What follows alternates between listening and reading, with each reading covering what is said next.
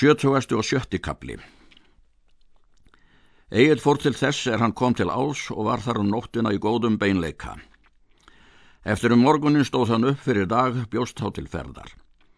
Og er þeir sáti yfir dagverði þá kom þar álfur bondi. Hann mælti. Snemma búist þér Egil en hitt myndi ráð að hrapa ekki ferðinni. Sjá heldur fyrir því að ég ætla að mennmunni settir fyrir yður í skógin. Ég hef ekki menn til að fá þér til fylgdar svo að þér sé styrkur að. En það vil ég bjóða að þú dveljir hér með mér þar til er ég kann að það að segja þér að fært munu um skógin. Egil segir, það mun ekki nema hér komi einn, mun ég fara veg minn sem ég hef áður ætlað.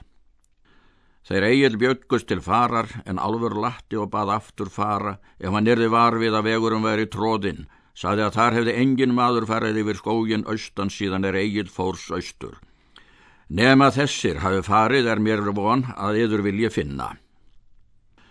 Hvað ætlar þú hversu margir þeir munu vera ef svo er sem þér segið? Ekki hefur mér uppnæmir þótt nokkur sé liðsmönur. Hann segir, Ég var farin fram til skóar eins og húskarlar mínir með mér og komi við á mannafar og lásu slóð fram á skógin og myndu þeir hafa verið margir saman. En ef þú trúur eigi sví, er ég segið þér, þá far þangað og sjá slóðina en snú aftur eftir sínist sem ég segið þér. Egið fór sína leið. Og er þeir komi á vegin, þann er á skógin lág, þá sáu þeir þar bæði mannaspor og frossa. Þá mæltu förunautar eigils að þeir skildu aftur hverfa. Fara munum vér, saði eigil.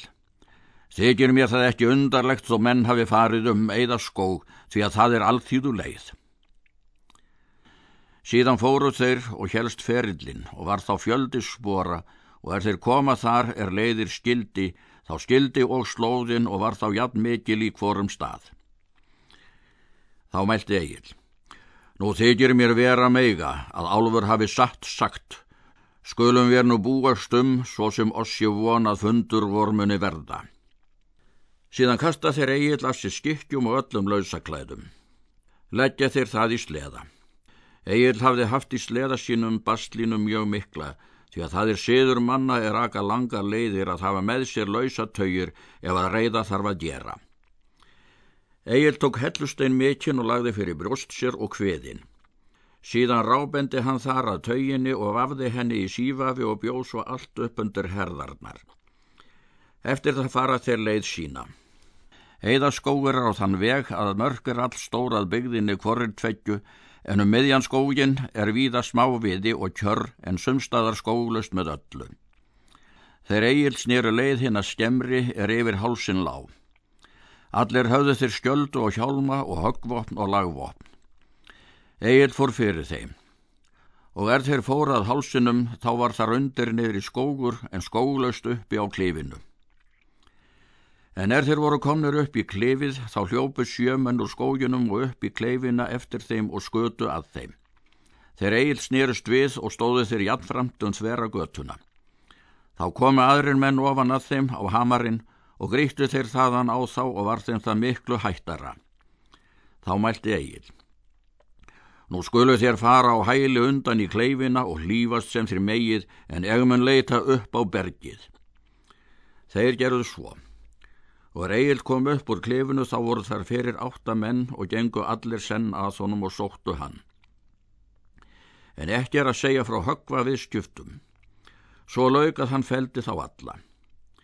Síðan gekk hann á bergi fram og bar ofan grót og stóð þar ekki við. Lágu þar eftir þrýr hinnir vermsku en fjórir komist í skójan og voru þeir sárir og barðir. Síðan tóku þeir eigið hesta sína og fóru fram á leið til þess er þeir komu yfir hálsin en þeir vermsku er undan höfðu komist gerðu njósn félagum sínum þeim er við fenin vorum. Stemdu þeir þá fram hinn að neðri liðina og svo fram yfir þá eigil á veginn. Þá sagðu Úlfur félagun sínum. Nú skulum við fara ráðum við þá, stilla svo til að þeir nái eigi að renna. Hér er þannig til farið, segir hann, að leiðin liggur fram með hálsinum en feninu víkur að upp og þar hamar fyrir ofan en brautin liggur þar fram í milli og er eigi breyðari en götu breytt. Skulu sömur fara fram um hamarinn og taka við þeim ef þeir vilja fram, en sömur skulu leynast hér í skójunum og hlaupa síðan á bak þeim ef þeir koma fram um. Gætum svo til að engi komist undan. Þeir gerðu svo sem Úlfur mælti. Fór Úlfur fram um bergið og tíu menn með honum. Þeir eigil fara sína leið og vissu ekki til þessar ráðagerðar fyrir en þeir komi í einstíð. Þá hljópu þar menn á bak þeim og báru þegar vopn á þá. Þeir eigil snerust í mót og vörðust. Nú drífa og menn að þeim þeir er veruð höfðu fyrir framann hamarinn og er eigil sá það snerist hann í móti þeim. Var það skamt högva í millum og feldi eigil þar söma í götunni en sömur hörfu aftur þar jafnlendið var meira. Egil sótti þá eftir þeim. Þar fjall Úlfur og að lyktum draf Egil þar eina ellu menn. Síðan sótti hann þar til er förunautar hans vörðu götuna fyrir áttamönnum. Voru þar korir tveggju sárir. Og Egil kom til þá flýðu þegar hinnir vermsku en skóurinn var við sjálft. Komist þar undan fimm og allir sárir mjög en þrýr fjallu þar. Egil hafði mörg sár og engi stór. Fóru þeir nú sína leið. Hann batt sár förnötu sinna og voru engi banvæn. Settust þeir þá í sleða og óguð það er eftir var dagsins. En þeir hinnir vermsku er undan komust, tóku hesta sína og drógust austur af skóginum til byggða. Voru þá bundin sár þeirra. Fá þeir sér förnöti til þess er þeir koma á fund jarls og segja honum sínar ófarir. Þeir segja að hvorur tveitju úlfur er fallin og dauður voru hálfur þriðji tegur manna. En fimm einir komust undan með lífi og þó þeir allir sárir og barðir. Jarl spurði hvað þá væri tíðinda um Egil og hans förunauta.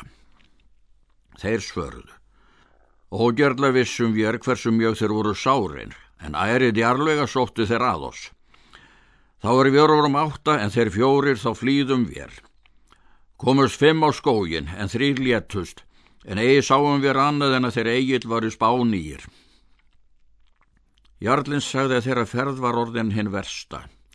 Myndi að kunna því að við hefðum manna látu mikið ef þeir hefðu drepið þá norminina, en nú er þeir koma vestur af skóginum og segja þessi tíðindi norðskonungi, þá eigum við af honum von hennar mestu afar kosta.